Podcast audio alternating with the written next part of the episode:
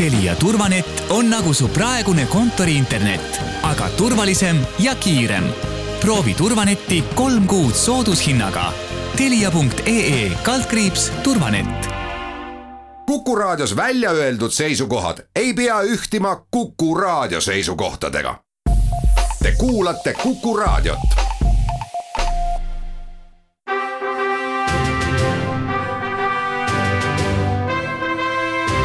vahetund Tartu Postimehega. tere päevast, head sõbrad. on teisipäev, esimene juuni, esimene juuni on ikka selline kuupäev, kui eh, ehkki eh, nii-öelda ametlikult veel mitte, aga võib juba ennast päris vabalt tunda sellises suvises meeleolus ja sedamoodi oleme meiegi siin Äh, minuga koos on äh, stuudios, mina olen Rannar Raba, Tartu Postimehe peatoimetaja, minuga koos on siin stuudios hea kolleeg Jens Raavik ning telefonitsi peaksime saama kohe-kohe ühenduse Eili Arulaga. meil on täna äh, selline plaan, et võtame ette päris mitu teemat. esiteks tahaksime rääkida sellest, millest Eili Arula on kirjutanud siin eelmisel nädalal ehk siis sellest, kuidas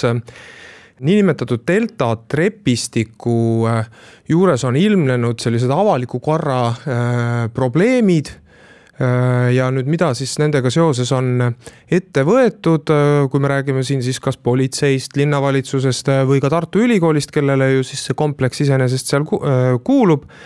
ja mida me võiksime siis laiemalt äh, järeldada sellest, mis on äh, jõe ääres viimastel aegadel toimunud, mida see võiks meile linnakujunduslikust aspektist rääkida. aga on teemasid teisigi veel, samamoodi on Neili Sulest siin äsja ilmunud käsitlus meil sellest, kuidas Piirissaarel, ehkki kogukond on küll väike, on ilmnenud mõned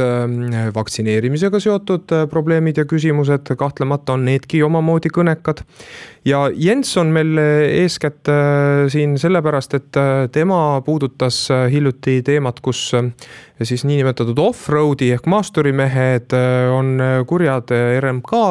Tartu piirkonna peale, kes nende suhtes on nende arvates liiga tõrjuv või põhjendamatult tõrjuv on siingi kindlasti vastakaid seisukohti, mida, mida lahata. ja nüüd saate sissejuhatuseks ma nüüd kontrollin uuesti, kas Heili on meil liinil ja mina kuulen. Tahaksime puudutada teemat, mis äh, leidis käsitlemist äh, just alles täna. Äh, nimelt oleme rääkinud ju ikka seoses koroonakriisiga sellest, kuidas üks või teine ärisektor sellest väljub, milliseid, kuidas siis öelda, tagajärgi peab taluma. Kogu Eesti kontekstis oleme ju saanud siin äsja kuulda pigem nagu rõõmustavaid sõnumeid selle kohta, et, et on äh, majanduskriisi näitajad pigem nagu olematud või me räägime hoopiski majandusbuumist ja juba eile ähm, üle-eestilistes uudistesaadetes mõned ähm, kommentaatorid hakkasid rääkima hirmust, et meil on äh, majandus üle kuumenemas. siis ähm, selles kontekstis on väga paslik mainida, et Tartuski on pigem tööjõupuudus kui tööpuudus ja tööpuudus mäletatavasti veel umbes aasta tagasi, kui me esimene esimesse koroonakriisi sisenesime, oli see peamine märksõna, mida kardeti kohe-kohe peale tulevat. Heili, sina eh, täna puudutasid, eh, tänases lehes puudutasid seda, veebistki on see lugu kättesaadav. Eh, kõigile, kes soovivad, rääkisid mitte ette, mitme ettevõtjaga ning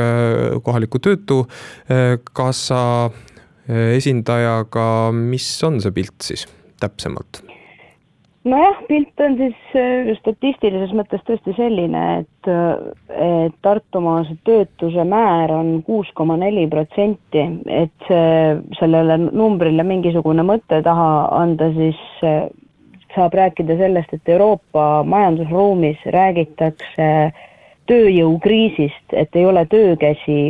siis, kui, kui siis see töötuse määr jõuab viie protsendini, et Tartumaal ollakse sellele väga, väga lähedal. Jõgevamaal veelgi lähemal, sest Jõgevamaal on töötuse määr viis koma kaks protsenti et jah, et see Töötukassa Tartumaa osakonna juht Jane Väli siis vahendas, et tõepoolest saab öelda, et majandus ja, ja tööjõuturg on jõudnud siis sellesse kriisieelsesse aega, kus nõudlus on suur, aga tehased ja tootmisettevõtted ei saa siis pakkuda nii palju tellimusi või saa, ei saa täita nii palju tellimusi ja nii kiiresti, kui tarvis oleks, sest pole lihtsalt inimesi, kes selle töö ära teeks et, et jah, selles osas, selles osas oleks see selline üldine sissejuhatus praegu. ja mis siis saab nüüd? No vot äh,, igaüks on püüdnud siis seda olukorda lahendada, lahendada nii, kuidas äh, jõudu või äh,, jõudu või võimalusi on, et äh, noh, näiteks Enix Eesti, kes on siis Elvas elektroonikatootja, nendel oleks praegu hädasti vaja kohe viitekümmet inimest tööle võtta. Kusjuures mingisugust erialast öö, oskust ei peagi inimesel olema, sest et noh, tegemist on väga spetsiifilise tootmisvaldkonnaga ja, ja seal käib kogu väljaõpe koha peal. selleks, et seda öö, töökäte puudust siis natukenegi leevendada, siis nad on võtnud omale appi renditööjõu et peamiselt on siis tege-, äh, on siis tegemist äh, välismaalt äh, toodud tege-, inimestega, kes siin tahavad tööd teha ja see, neid siis vahendab, vahendavad rendi, rendifirmad. Et võiks ju arvata, et noh, miks siis, miks siis selle renditööjõuga ei saaks probleemi lahendada, häda on aga paraku selles, et, et need on tähtajalised lepingud renditööjõu palkamisel ja see on ka ettevõtjale suhteliselt kallis. Nii et noh, ühesõnaga niisugune vähekene nagu kujundlikus mõttes tulekahju kustutamine käib, seal on see vähemasti selbidi Eniks Eestis siis said nad sulle anda ka seda informatsiooni, et kuskandist seda renditööjõudu tuuakse, me mäletame ju eelmisel aastal jällegi tollesama äh, koroonakriisi äh, järellainetuses või, või, või, või, või põhilainetuses ju äh, kerkis Eestisse suur kakelung äh, maasikakorjajate üle, kus siis toona meil võimul olnud valitsus eesotsas, valitsuse eesotsas ei olnud EKRE, aga noh, tegelikult ikkagi oli ka, et siis selle valitsuse otsustega piirati äh, väljaspoolt Euroopa Liitu äh, inimeste toomist, et kas see nüüd rendi, renditööjõud äh, peab tulema Euroopa Liidu seest praegustest tingimustest või saavad nad ikkagi kolmandaid riike ka siin rakendada? vot tead, need täpsed statistilised andmed selle kohta mul praegu küll puuduvad, noh, selles mõttes, et tõesti, kuna see on niisugune voolav, voolav kaader nii-öelda, et nad tulevad siia tõesti võib-olla mõneks kuuks, et siis noh, eks, eks see tõesti seda, seda ma ei täpsustanud nüüd antud, antud loo kontekstis. aga näiteks, kui rääkida nii-öelda välistööjõust, siis, siis on näiteks e, täiesti palgalised töötajad Enixis äh, ka Lätist, mis ei ole nüüd renditööjõud, kes on ise tulnud äh, ja tahtnud tööle ja nemad käivad siis äh, Elvasse Valgast ja Enixil on oma kinni makstud siis nii-öelda tööliste buss, kes veab Valgast siis nii Eesti poolt töölisi ja ka lätlasi, kes jalutavad üle piiri ja hommikul ostuvad bussi ja, ja sõidavad, sõidavad siis Elvasse ja pärast sealt tagasi. nii et igasuguseid variante on käiku lastud mis sektor meil kõige suuremas kriisis just nimelt tööjõupuuduse mõttes äh, praegu on, et tegelikult ju tuleb vahet teha, et kui me räägime siin äh, noh, nii-öelda liinitööd teeb ka Enix, aga, aga see töö, mida seal tehakse, võib olla nii, nii mitmeski ähm, töölõigus ikkagi selline, mis nõuab äh, märksa rohkemat äh, teadmist kui mitte, et ma tahaks kuidagi halvasti öelda saapavabrikus töötavate inimeste kohta, seal on ka kindlasti äh, väga, äh, väga selget oskusteavet tarvis selleks, et oma ametiülesannetega hakkama saada. aga noh, ma ütlen, et need ei ole kindlasti kõrvutatavad maailmad, üks on väga selgelt tehnoloogiline sektor, teine on selline kuidagi nagu tavainimesele, lihtsale inimesele käegakatsutav selline maailm, et, et noh, kuhu suunda me peaksime siis nagu vaatama, kui me tahaksime näha praegu seda, seda sektorit kes kõige rohkem jännis on või kellel on vaja väljastpoolt piiri tagant abi otsida? no vot, siin ongi see, sedaviisi praegu, et põhilised kannatajad äh, selle tööjõukriisi vältel on siis kaks suuremat valdkonda, üks on siis töötlev tööstus, olgu see siis äh, tõesti mõni puidutšehh, elektroonikatööstus, metallitööstus, äh, mis iganes. Ja teine serv on jällegi teenindus et noh, äh, eelmisel nädalal sai räägitud äh, ajaleheveergudel ka sellest, et, et noh, see hooajaline teenindajate otsimine on üks asi, see on siis koroonakriisist sõltumata olnud kogu aeg selline, selline valdkond, kuhu inimesi suve, just suvehooajaks võetakse. Vot aga seal teeninduse kõrval on siis, on puudu nii-öelda teenindajate kõrval on puudu siis ka kokkadest, et see on ka väga suur selline äh, selline põud praegu seetõttu, et noh, eks väga suur hulk restorane, kohvikuid oli pikalt kinni ja kes siis eh, ikka kodus tahab istuda, et on ka seal kokad läinud nii-öelda valinud omale teise eriala. aga jah, kui nüüd kiirelt veel rääkida sellest töötlevast tööstusest, siis seal nii Enixi näitel on tõesti noh, need spetsialistid, kuna seal käivad asjad kõik suuresti masinatega, et, et siis seda masina operaatorit äh, saab, äh, operaatori tööd saab teha ka tõesti siis, kui ei ole inseneripabereid. aga tõepoolest, et äh, et Töötukassa statistikast tuleb välja, et just sellise inseneriharidusega äh, inimestest ja just IT-valdkonna inseneriharidusega inimestest on suur puudus, et äh, Janne Väli siis rõhutas, et võiks noored mõelda selle peale, et kui on kõrgkooli või kutse omandamise aeg käes, et kaaluda tõsiselt seda inseneriõpet, et sellega on tööd küll ja veel aastakümneteks mm. -hmm. no raske on öelda, et kumb see siis äh, keerulisem olukord on, kas siis, kui tööd ei ole või siis, kui tööjõudu ei ole. Mulle isiklikult tundub, et, et, et see, kui äh, tööpakkujaid on väheks jäänud, toob tavaliselt raskema kriisi. aga see on ikkagi vaatenurga küsimus ja ega siin ongi vist paslik koht punkt praegu panna selle jaoks, et käia ära reklaamipausil ja siis võtta ette need teemad, mida veel äh, saate alguses lubatud sai.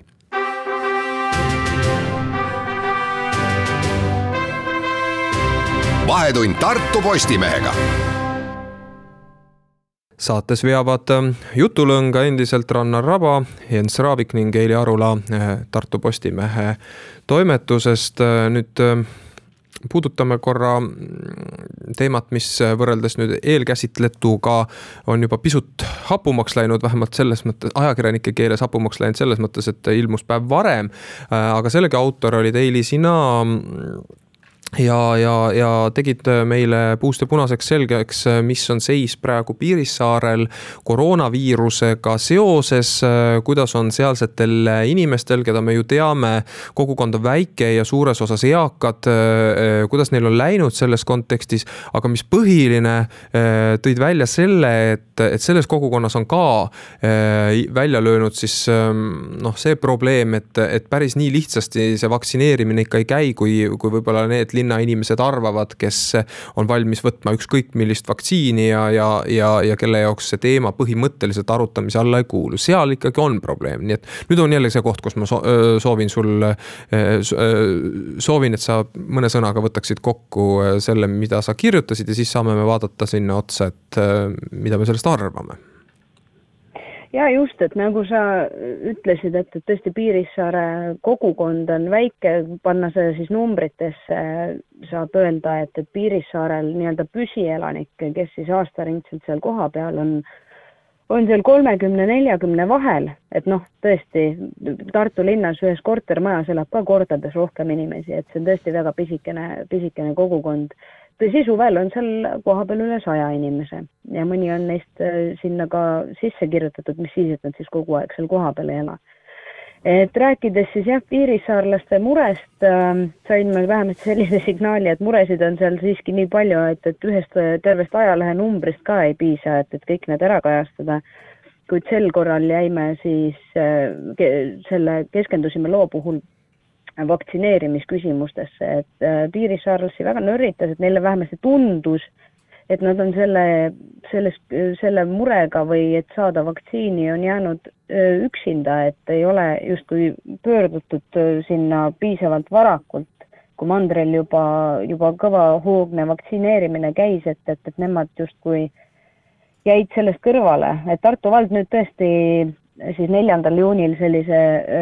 kohapeal vaktsineerimise läbi viib seal tahtjatele, aga samas need, kes seal kohapeal on, väga paljud neist on ka vaktsiinist üldse loobunud, sellepärast et nad ei saa valida vaktsiini. Tartu vald on siis äh, organiseerinud äh, kohapeal vaktsineerimiseks Johnsoni äh, toodetava vaktsiini, mis on siis mis annab siis immuunsuse pärast ühte süsti ja, ja kuna inimesed on seal kohapeal lugenud nii ühte koma teist selle vaktsiini kohta ja, ja tunnevad, et eh, kui nad nagu valida ei saa, siis nad pigem loobuvad, et just kümmekond inimest on öelnud siis jah-sõna, et, et nad lasevad ennast vaktsineerida, et see on selline jällegi üldine kokkuvõte sellesse teemasse sisse minnes. Mitte, et see iseenesest väga kaalukas oleks Piirissaar noh, nähtusena kogu meie koroonaprobleemis iseenesest. aga kuidagi märgiline ta minu arvates ikkagi on, sellepärast et siin on väga mitu põhjust küsida.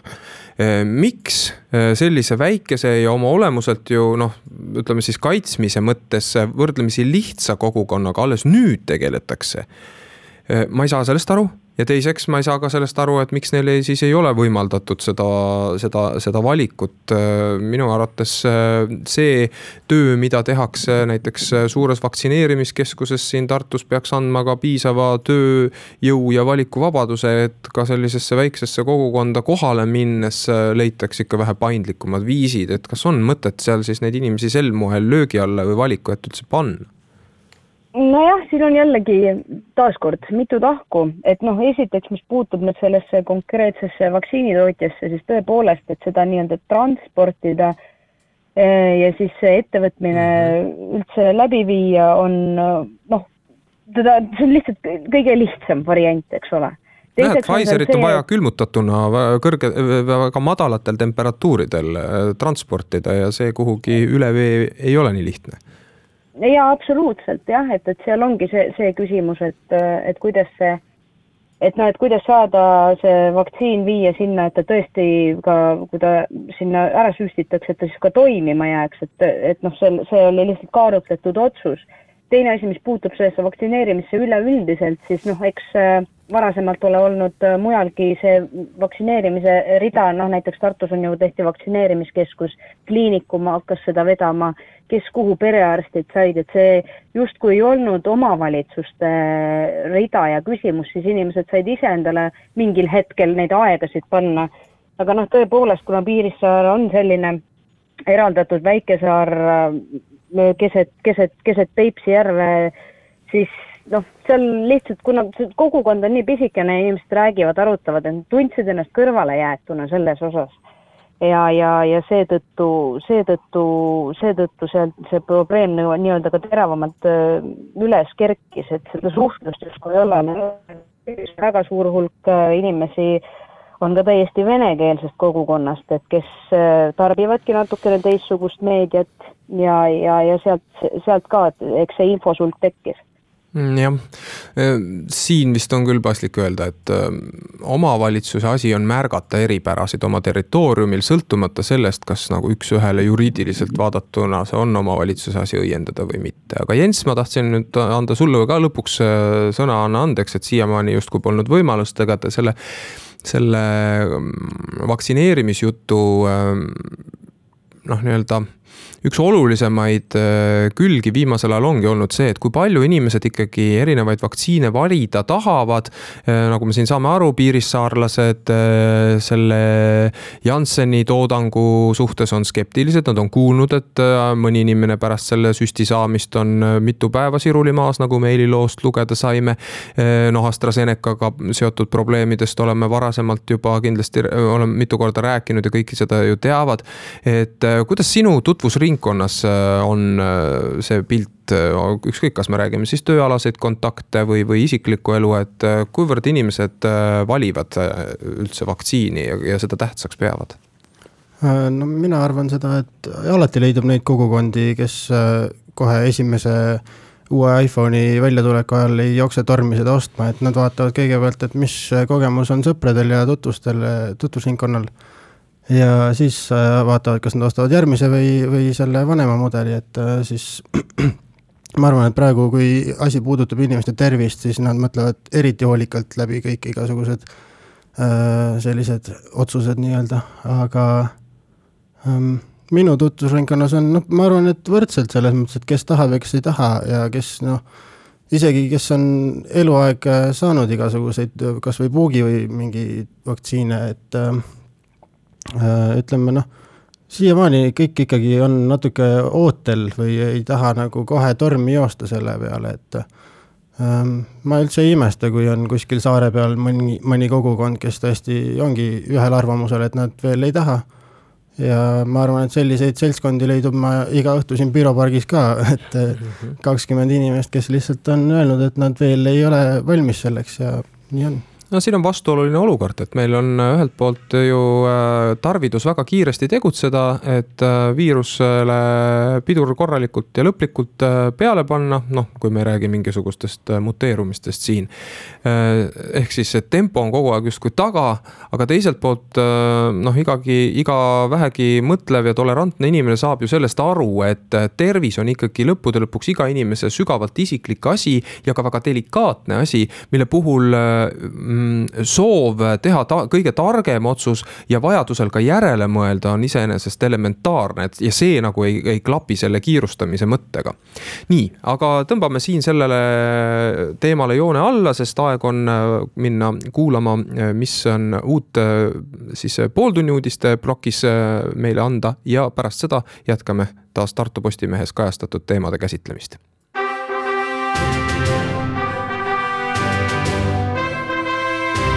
vahetund Tartu Postimehega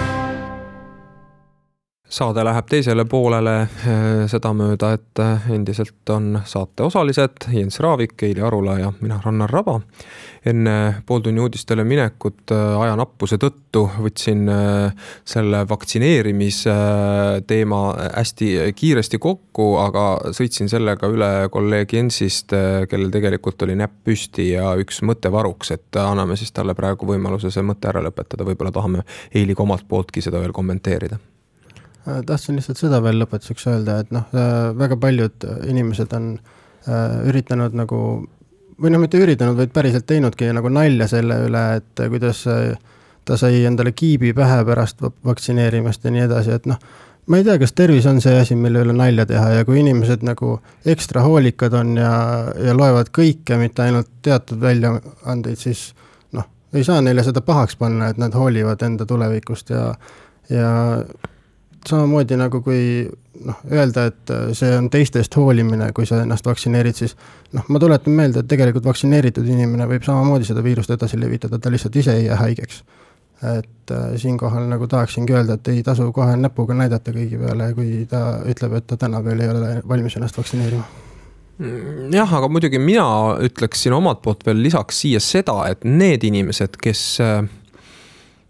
kes on äh, võtnud nagu selle hoiaku, et noh, et las siis teised vaktsineerivad, et suurem osa saab ju vaktsineeritud ka ilma minuta ja siis äh, paratamatult ka suve tulles haigus tõmbub tagasi ja justkui minu jaoks kaob see selline akuutne vajadus selle süsti tegemiseks ära, siis mina olen nende inimeste peale ikkagi pigem nagu kuri. puhtalt sellepärast, et nad ei saa aru seda, et selle haigusega võitlemine on kollektiivne vastutus. noh, olgu, et sa võid seda vastutust kanda välja ka mingite teiste meetoditega, ehk siis ma ei tea, piltlikult öeldes ma nüüd muidugi liialdan ennast ühiskonnast sulgeda ja mitte nagu osaleda selle viiruse levitamises, aga häda on ju nimelt selles, et mida rohkem sellel viirusel ja mida kauem sellel viirusel lastakse elada ja ühest organismist teise rännata, siis seda seda suuremaks muutub ka kõikvõimalike muteerunud variantide tekkimise võimalus, mis tähendab seda, et meil ei tekigi heales seda võimalust, et, et see haigus ära kaoks. aga see peaks olema ju peamine eesmärk, jah, ma saan aru, mõned asjatundjad on öelnud, et see on noh, puhtalt rumal lootus, et, et me võiksime siin lähema aasta-paari jooksul näha, kuidas koroonaviirus on maailmast kadunud. aga eesmärki ei tohiks ju ikkagi silmist lasta nii, aga nüüd vist siis, vabandust, on tõesti paslik ähm, sellele ähm, vaktsineerimisteemale joon alla tõmmata. Äh, kolmas teema. Äh, Jens, sina kirjutasid äh, eelmisel nädalal uudise pealkirjaga Maasturimehed nurisevad RMK jäikuse üle ja sellest siis ähm, äh, selle loo ettevalmistamise käigus käisid isegi metsas, ma ei tea, kas sa siis päris sõitu, autosõitu seal äh, ka äh, proovisid, aga rääkisid nendega, kes ähm, on võimsate masinate omanikud ja kelle üks hobidest on siis aeg-ajalt sellises mudamülkas või, või, või, või no looduslikult igas mõttes raskes ähm, olustikus oma masinaid proovile panna ja nad ütlevad, et, et Eestis suhtutakse nendesse ja nende hobist, hobisse väga erinevalt erinevalt et ja Tartumaa olla siis üks selliseid ähm, jäigema olekuga piirkondi, justkui jutt käib riigimetsast, Riigimetsa Majandamise Keskusest ja nendest inimestest, kes seal siis otsuseid langetavad. et kui äh, mõnel pool mujal, nii Lõuna-Eestis kui ka sa rääkisid siin Harjumaa esindajatega, et, et on ikkagi leitud sellise hobi viljajat, viljelejatele ka mingisugused kohad. et siis siin millegipärast ollakse väga üheselt nende suhtes eitaval seisukohal ja nad ei saa aru, et milleks selline diskrimineerimine vaktsineerimine aset leiab, liiati, kus äh,, liiati oludes, kus nad näevad, et, et RMK metsamehed ise äh, oma siis igapäevast tööd tehes äh, langid totaalselt pea peale pööravad. noh, ja, ja võiksid siis ju seejuures teha koostööd ka nendega, kes seal hobi korras oma masinatega sõidavad ja pärast siis üheskoos selle, selle noh, nii-öelda heaks tegeva töö ette võtavad, mis on tarvis sellistes segi pööratud maa maastikel ette võtta. aga nad ei saa aru, et miks neid üldse nagu jutule ei võeta, et kas sa said nüüd nagu lõpuks aru, et millest selline erinevus äh, on piirkonniti tekkinud sellest, mismoodi me suhtume sellesse hobisse, võime rääkida järgmisena siis äh, mina eluaeg olen ise, noh, see on puhtalt minu arvamus, aga lihtsalt mul on väga palju sõpru, kes on metsaomanikud ja need on selle eesmärgiga metsaomanikud, et seal elada, mitte see maha müüa mingil hetkel ja ma olen alati saanud aru, et noh, mets on nagu väga tähtis osa meie eestlaste elust ja see on hingelähedane koht. ja ma alguses mõtlesin ka, et noh, et mis need maasturimehed sinna metsa ronivad, et see nagu noh, ei ole kõige loodussäästlikum ja toredam tegevus. aga samas, kui ma nendega suhtlesin ja nad ära kuulasin, siis ma sain aru sellest, et tegelikult on vaja iga, igal sellisel hobil mingit kohta, kus see nagu teostada ja kus inimesed saavad ennast välja elada, sest et noh, on olemas igasugused äh, rallirajad ja, ja on olemas lasketiirud ja mis iganes, aga lihtsalt äh, maasturimeestel nagu Tartumaal ei ole mitte ühtegi sellist kohta ja siis käivad suvalistes kohtades metsas ja siis on nagu päris paljud metsaalused lõpuks on äh, sellised, et noh, tavaautoga sealt läbi ei sõida ja seenele ei lähe, on ju. aga mis õigustus see lõppude lõpuks saab olla, et, et noh, näete, et seaduslikult mind ei lubata, et siis, siis teen mitte ebaseaduslikult? ma ei arvagi, et see mingi õigustus on, aga lihtsalt kui oleks äh, mingisugune kindel koht, kus nad saaksid seda teha ja oleks kokku lepitud mingid territooriumid, et millest üle ei minda, siis äh, saaks seda loodust ka palju paremini kaitsta, ma arvan mm. -hmm. Eiliga, on sul selle teemaga seoses mingeid mõtteid, mootorisport ei ole sind ka elus külmaks jätnud? ei, absoluutselt jah, ja pereliikmetel ka mõni maastur ikka on, tõesti, nemad küll tarvitavad seda nii-öelda teistpidi sihtotstarbeliselt, et nad käivad tööl puhtjuhuslikult metsas et äh, kus muu masinaga ei saagi, et aga,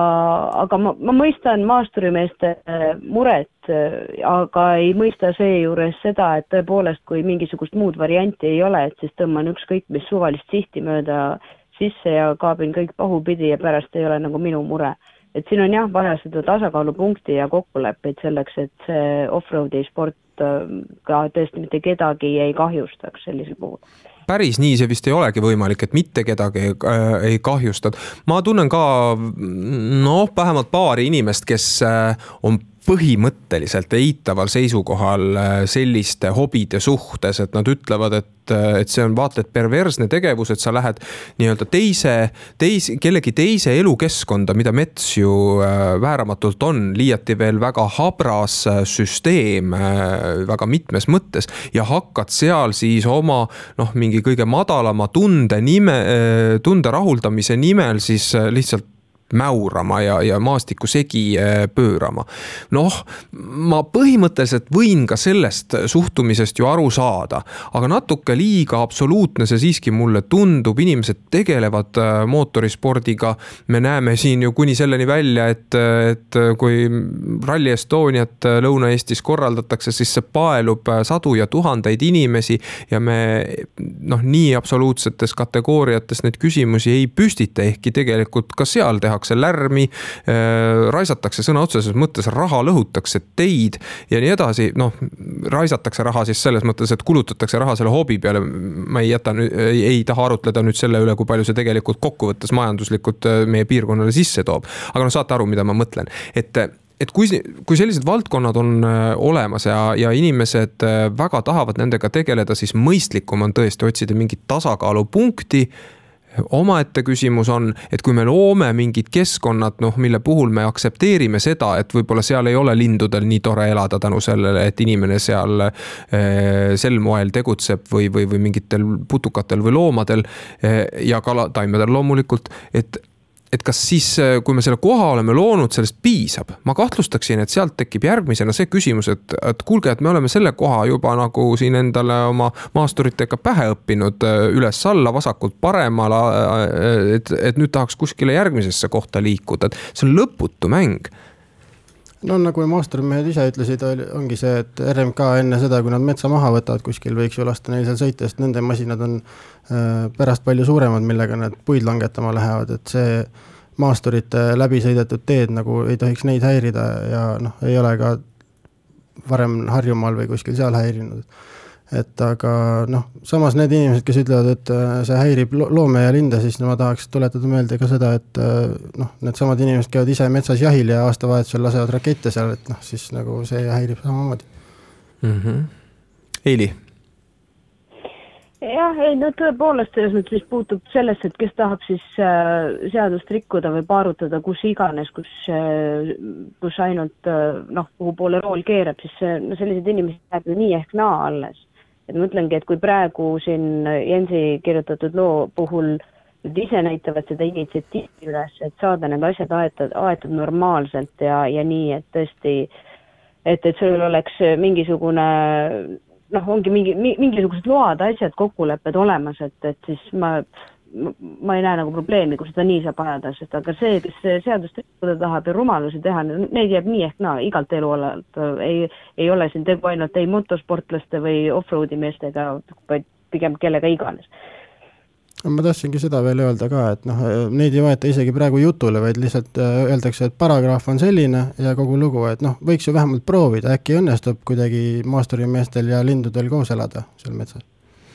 minu jaoks on siin kõige tugevam argument nende maasturimeeste poolt just see, et, et, et neile võib-olla sobikski teha koostööd selles mõttes, et kui kusagil on äh, mingi lank, noh, lageraie mõttes äh, segi pööratud puhtalt selle raie tegemise pärast. et siis lubada neid sealt nii-öelda läbi sõita mingisugusel laupäeva pärastlõunal katsetada iseennast ja määrida sellega koos neile pähe teatav vastutus minu pärast kasvõi rahaline selleks, et see, see lank äh, korda seada nii, nagu metsandusreeglid seda seo-, äh, seda, seda nõuavad, siis see on ju päris hea idee jah, või paluda neil puid istutada pärast sõitu või mida iganes, et neid no variante on mitmeid. siin on tegelikult tegemist teemaga, mille puhul ütleme üks, ütle A, siis on võimalik alati sinna kõrvale öelda B ja, ja, ja lõppude lõpuks on see A võimalik ka tagurpidi pöörata. igale argumendile on kindlasti ka vastuargument, meie eesmärk ei olnudki lõpuni seda lahendada, kuivõrd näidata, et selline maailmavaateline erinevus on olemas, olge lahked, kellel vähegi see teema korda läheb, avaldage arvamust näiteks näiteks meie arvamus küljel, aga praegu veel kord üks reklaamipaus ning siis äh, saate viimane veerandtund on äh, pühendatud äh, delta trepistikul toimuvale.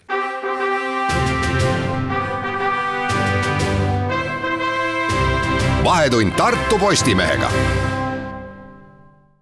nagu lubatud, räägime siis ähm, teemast, mis puudutab äh, kõigi jaoks nüüd juba tuntuks saanud delta trepistikku, kes ikkagi, ma mõtlen, et jah, et kõigi jaoks tuntuks saanud, sest see on ikkagi tinglik, ehk küllap on ka inimesi, kes pole äh, viimastel aastatel Emajõe ääres siin äh, kesklinna piirkonnas käinud ja ei ole tähele pannud, et, et uue delta teadus- ja õppekeskuse juures on loodud väga väga nägus ja, ja, ja meeldib selline amfiteatrilaadne keskkond, mis ulatub siis ühest otsast otse jõe veepiirini ja teiselt poolt siis sinna hoone juurde. ja see on nüüd tähelepanu pälvinud äh, nii politseinike poolt äh, kui ka ajakirjanike poolt äh, sellega, et vähe sellest, et ilusate ilmadega inimesed niisama sinna peesitama kogunevad, kiputakse seal hilisõhtuti või päris öötundidel ikkagi ka läbustama ja on jõudnud meieni ka teave sellest, kuidas vähemalt üks purjus inimene on kukkunud seal sedamoodi vette, et tema elu sattus ohtu ja, ja, ja, ja teine, teine sel ajal seal viibinud mees pidi teda päästma. miks me sellest räägime? mina kirjutasin ka eelmisel nädalal kommentaari, mis johtus sellest kesksest mõttest, et minu arvates see trepistik näitab väga hästi, mis on tehtud Tartus valesti äh, Emajõega seoses või Emajõe linnaga sidumise äh, kontekstis, kui siin kogu aeg on räägitud, et jõgi justkui on omaette nähtus linnas, ei ole väga hästi selle igapäevase eluoluga siin ühendatud, siis sellised trepilaadsed lähenemisvõimalused, äh, betoonist lahti raiutud nõlvad võiksid anda noh, märksa avarama võimaluse kasutada seda jõeäärset piirkonda ja et inimesed on noh, jalgadega sõna otseses mõttes hääletanud, näidanud ära, et neile meeldib meeldib seal olla. eeskätt noored inimesed loomulikult, arusaadav ja miks ka mitte. et sellist, ähm, sellist kaldapealset äh, lahendust võiks kasutada südalinna piirkonnas äh, mujalgi. see on minu äh, mõte ja nüüd loomulikult on siis ju väga hea mulle vastu väita, et delta juures toimuv näitab, et see on päris ohtlik lahendus, sest seal võivad asjad kergesti käest minna ja nüüd ma kohe ütlen ära, mis ma sellest arvan. ütlen, et selle, selle, et noh, et jõgi on ohtlik olnud kogu aeg, et me oleme näinud seda, kuidas inimesed kaarsillalt vette hüppavad ja kukuvad ja ka hukka saavad. kas see tähendaks seda, et me peaksime loobuma sellisest äh, unikaalsest nähtusest, nagu seda on sild? ei peaks, et äh, küll aga on väga oluline mõelda juba eos kõikvõimalike arendustegevuste juures äh, selle peale, mismoodi selles keskkonnas siis vähe hoolimatuid tegelasi ohjeldada või siis vähemalt tekitada selline keskkond, et nad iseendale väga liiga teha ei saaks. Ja selles osas on delta juures tegelikult üht-teist tegemata jäetud. ja nüüd me siis hiljuti kirjutasime sellest, et nüüd on plaanis äh, panna sinna päästerõngas, tuua tualetid, lisada valgustust, vist ka äh, prügikonteinerid, oli see eile nii, sa kirjutasid, prügikonteinerid tuuakse ka juurde jaa, nad jah, nad peavad vähe rohkem läbi mõtlema seda, et kui tõesti see nii populaarseks äh, istumiskohaks ja ko-, ko-, viibimise kohaks saab, siis, siis tõepoolest peab olema see koht olemas, kuhu seda prügi ära mahutada, et need näha oli, et et need senised pisikesed posti otsas olevad kastid, need on tihti, tihtipeale umbes mm. -hmm. no Jens, sina elad seal suhteliselt lähedal, käid igapäevaselt sealt mööda, ma ei tea, kas ka hilistel õhtutundidel, milline on see vaatepilt olnud, mida sina oled seal tähele pannud eri nädalapäevadel? Äh, delta juures rahvast nagu on ilusate ilmadega, aga kuna noh, ma ütlen, et ma ise olen Pärnust pärit, siis vee ääres purjus peaga olek äh, ei ole nagu minu jaoks selles mõttes midagi üllatavat, et see on kogu aeg suvega kaasas käinud, et inimesed tulevad kuhugi randa või jõe äärde kohale ja, ja joovad seal alkoholi ja hüppavad vette, aga lihtsalt mind pani selle juures muretsema see inimeste käitumine, et kõik hakkasid seda telefoniga filmima ja pildistama, kui seal mingi inimene nagu oli ohtlikus olukorras, et äh, murekoht on hoopis minu meelest see, et mis, mis nende inimeste peas toimub, kes sellist asja hakkavad jäädvustama, mitte ei lähe appi no kui nad kuskilt kaugemalt seda jäädvustavad, olles ise veendunud, et samal ajal abilised on ka kohapeal, et noh, et kõik inimesed, kes vähegi piirkonnas viibivad, ei pea tormama ju ka pea ees sinna päästeoperatsiooni. võib-olla see ei ole nii tähtis, aga noh, lähikonnas muidugi loomulikult su küsimus on äh, väga põhjendatud nagu ma arvan ise, et see küsimus, miks ikkagi päästerõngast ei olnud juba esimesel päeval, kui see trepistikul need ehitusaiad ümbert ära võeti, et me on juba ju ka Eestis traditsiooniks saanud, et sellistes mm, supluskohtades on päästerõngad äh, üles pandud ja antud ka väga selged vetelpäästejuhised. Äh, noh, ma ei tea, kas, kas nendest on piisavalt tolku või mitte, aga päästerõngas, noh, seda isegi väljaõpeta inimene peaks äh, olema võimeline tarvitama nii palju, et ta viskab selle häda, hädalisele järele järele ehm, noh, näiteks, et ma ei saa sellest aru, et miks selliste pisiasjade peale linnakeskkonnas ei mõelda. ja nüüd tuleb tagantjärgi alles siis, kui on esimesed ohtlikud situatsioonid aset leidnud, hakata neid lahendama, see on selline nagu laiem küsimus. no randades näiteks alustas vetelpääste alles tänasest tööd, et see oleks juhtunud nii või naa, isegi kui oleks seal ka ette nähtud vetelpääste, et nemad niikuinii sel ajal ei oleks seal tööl olnud aga jah, selline asi, mida vette visata inimesele ja millega teda välja tõmmata, muidugi võiks olemas olla, kuigi see inimene vist oli teadvuseta juba vette kukkudes, et. Äh. nojah, et kui väga purjus inimene vette kukub ja pea ära lööb, et siis ei ole õnnetuse või noh, ütleme väga traagiline tagajärg raske tekkima. aga Eilis, ma aiman, et sul on näpp püsti. ja, ja mul on jah tõesti näpp püsti siin telefoni teises otsas, et et tõesti selleks, et vees, vee ääres äh, õnnetusi ei juhtuks, et siis või vees, jah, just, et siis peaks äh, noh, olema inimesed veest kaugemal. et noh, selleks, et Emajões õnnetusi ei juhtuks, selleks peaks Emajõe ära betoneerima. et seal on nagu, selle trepistikuga on see huvitav nüanss, et tegelikult ega see ei ole ju selle kevadine asi seal, see Delta keskus avati eelmisel aastal veebruaris, kui ma õigesti mäletan. nojah, et üks suvi on juba üle suvi, elatud. Ja just üks suvi on üle elatud ja siis justkui nagu probleeme ei tekkinud, kuigi tõesti noh, see eelmine suvi oli niisugune rohkem koroonasuvi, kui võib-olla see tõotab tulla, eks näis. et lihtsalt siis oli seda teadmatust ja, ja kõike oli, oli, oli rohkem aga jah, et nüüd, et ja ma rõhutan ka seda, et, et tegemist ei ole ka ju ujumiskohaga. et e, aga kas seda oleks saanud ette näha, et, et sinna, sinna inimesed tulevad, tõepoolest peaks, oleks, oleks seda ju saanud näha, selle, see juba ainuüksi seetõttu, et, et mille jaoks ta tehtud on. ta ongi tehtud selle jaoks, et inimesed saaksid seal istuda ja olla, tõsi, mitte alkoholi tarbida, seda ei tohi. seda lihtsalt ei tohi teha nojah, et äh, alkoholi tarbimine avalikus ruumis on ju niikuinii igal pool keelatud, et me ei peaks seda selles kontekstis üldse käsitlema. miks me selle teema siia valisime või õigemini mina, miks ma selle valisin, on see, et ikkagi jääks õhku äh, seda vaatenurka ka, et, et ärme viska koos pesuveega last ennast äh, välja ja et, et et tahaks ikkagi rõhutada, et see, mida sinna delta juurde tehti, arhitektuuriliselt, äh, maastiku äh, arhitektuuriliselt, linna planeerimuslikult, on väga tore.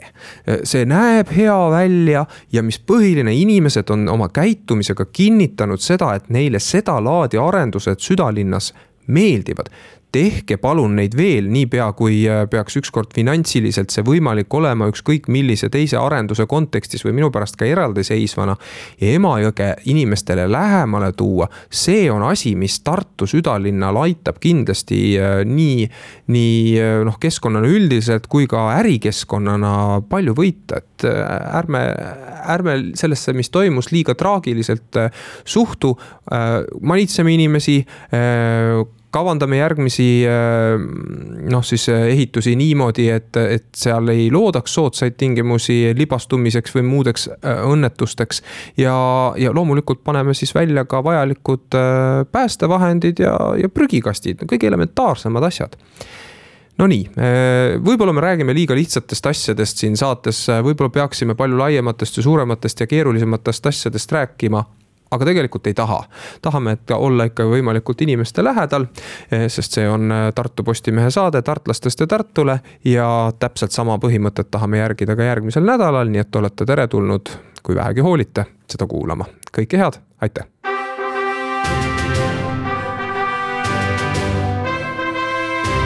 vahetund Tartu Postimehega